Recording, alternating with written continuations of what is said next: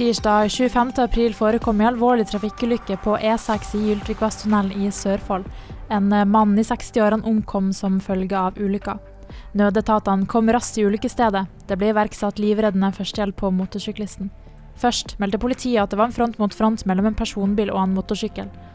Onsdag opplyser derimot etterforskningsleder Rune Paul Berg på Fauske politistasjon at begge kjøretøyene kjørte i samme retning. Han legger til at det fremstår slik at bilen har kjørt over en person som allerede ligger i veibanen. Ifølge opplysninger er det uklart om bilen traff motorsykkelen da den kom i tunnelen. Nå ber politiet om tips i saken.